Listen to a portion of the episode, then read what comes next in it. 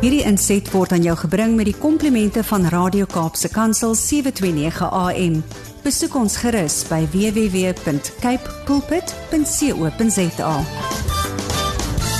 Dis ons so lekker om Pretoria toe te gaan na Zanti Swanepoel en vroeër het Brad die vraag gevra of sy darm nou alweer water het. Ek weet laas toe ons gesels het was die water vir iets soos 5 dae alreeds weer afgewees, maar vir Zanti het ons so baie tyd net vir die feit dat sy altyd uit persoonlike ondervinding met ons gesels en sy deel haar hart ook vanoggend met jou sodat jy geïnspireer kan raak om jou lewe te rig op dit wat saak maak en dit reg te doen.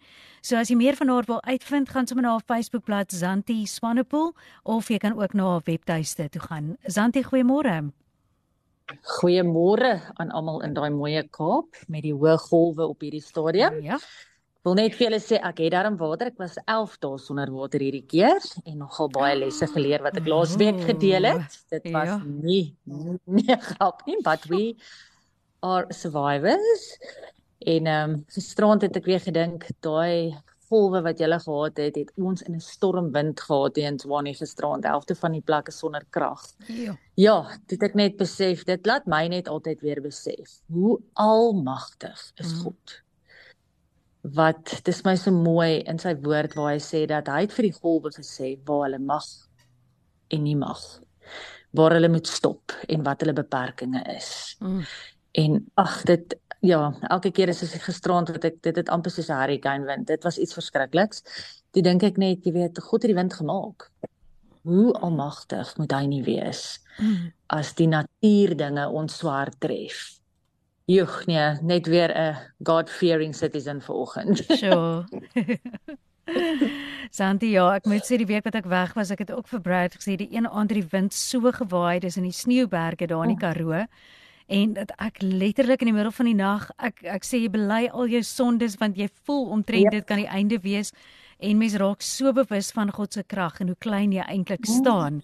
So dit is 'n voorreg eintlik as mens met hierdie natuurselemente baie keer gekonfronteer word. Dit kan baie oorweldigend ook wees, maar maar dankie dat jy daai deel. Ons sien ook so uit na wat op jou hart is vanoggend. Ja, ek wil bietjie vanoggend praat oor ja, iets wat wat regtig diep op my hart is en en luisteraar, ek wil jou regtig kom bemoedig vanoggend. Ek dink is iets waarmee ons almal meeste van die tyd sukkel. Um en veral in die tye waarin ons leef, waar ons soveel sosiale media om ons het, soveel opinies om ons het.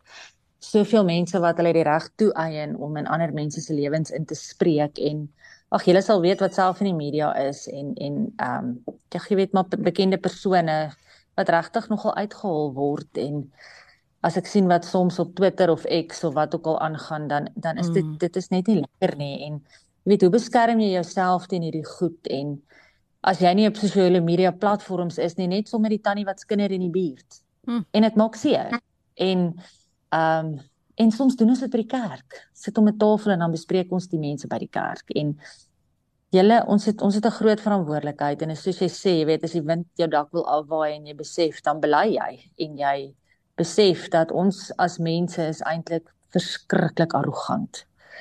Um maar die dag is die Here in sy volmag wat 'n wind en 'n vuur en 'n golf laer graad is.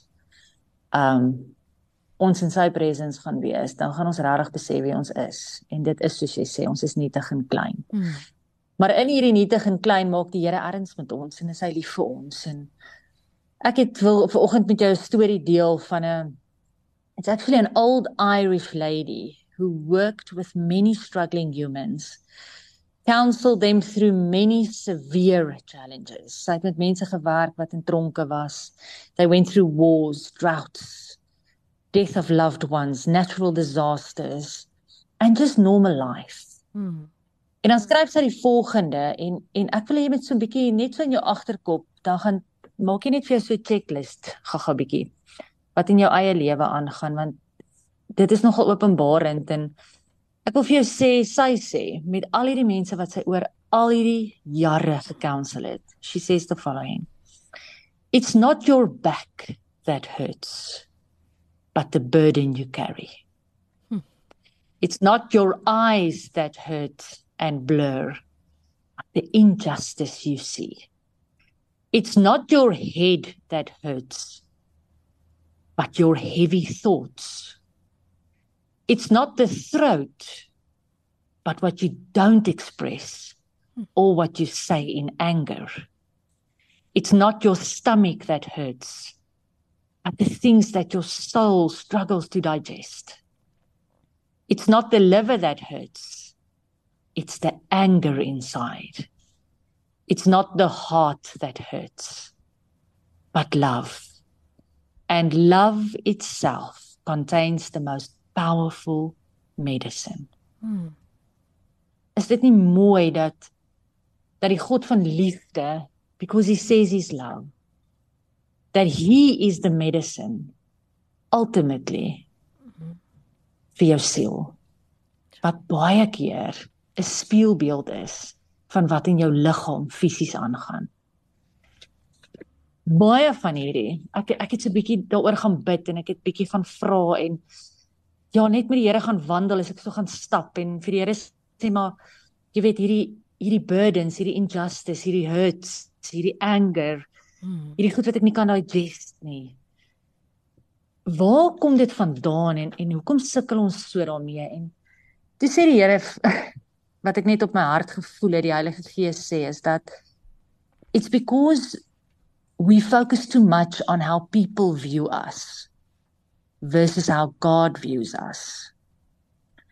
Jy sien want meeste van die tyd het ons nie eens ander mense nodig om ons uit te haal nie of om lelik met ons te wees nie we do it ourselves. Mm. We are the hardest on ourselves.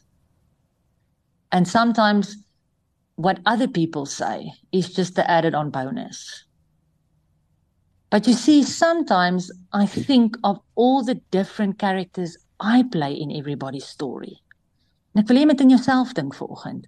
Because you see, sometimes I am a terrible person in some people's narratives but a God sent in others. Hmm. And none of it has anything to do with the person I truly am.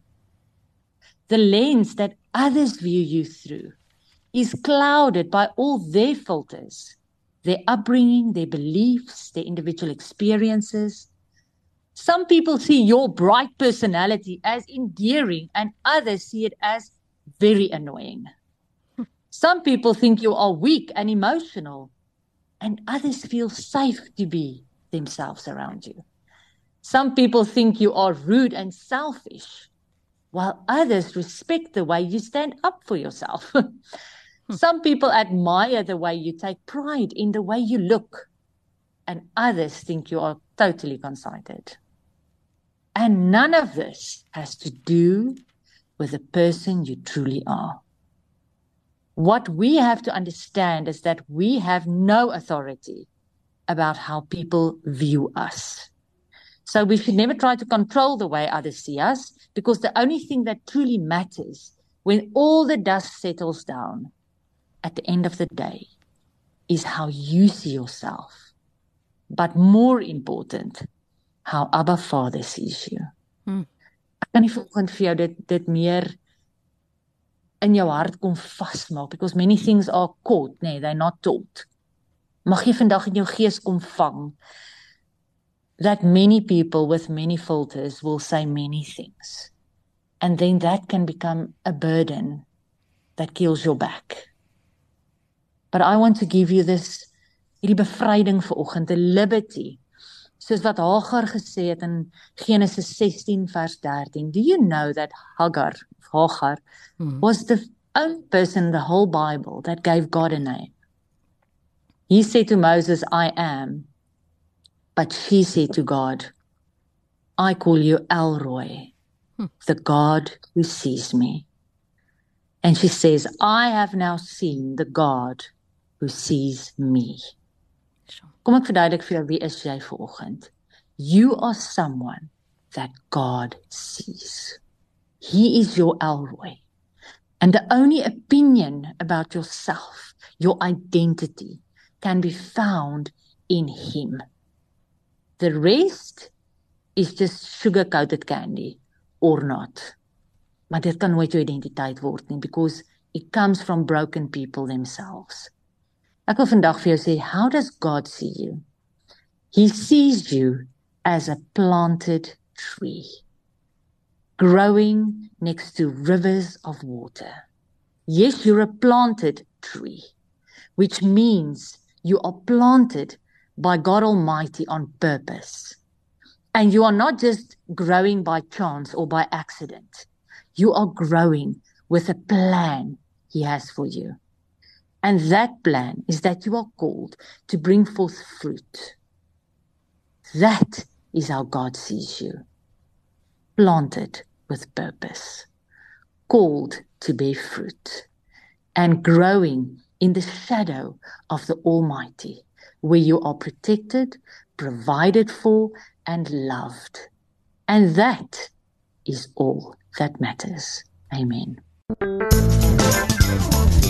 Hierdie inset was aan jou gebring met die komplimente van Radio Kaapse Kansel 729 AM. Besoek ons gerus by www.cape pulpit.co.za.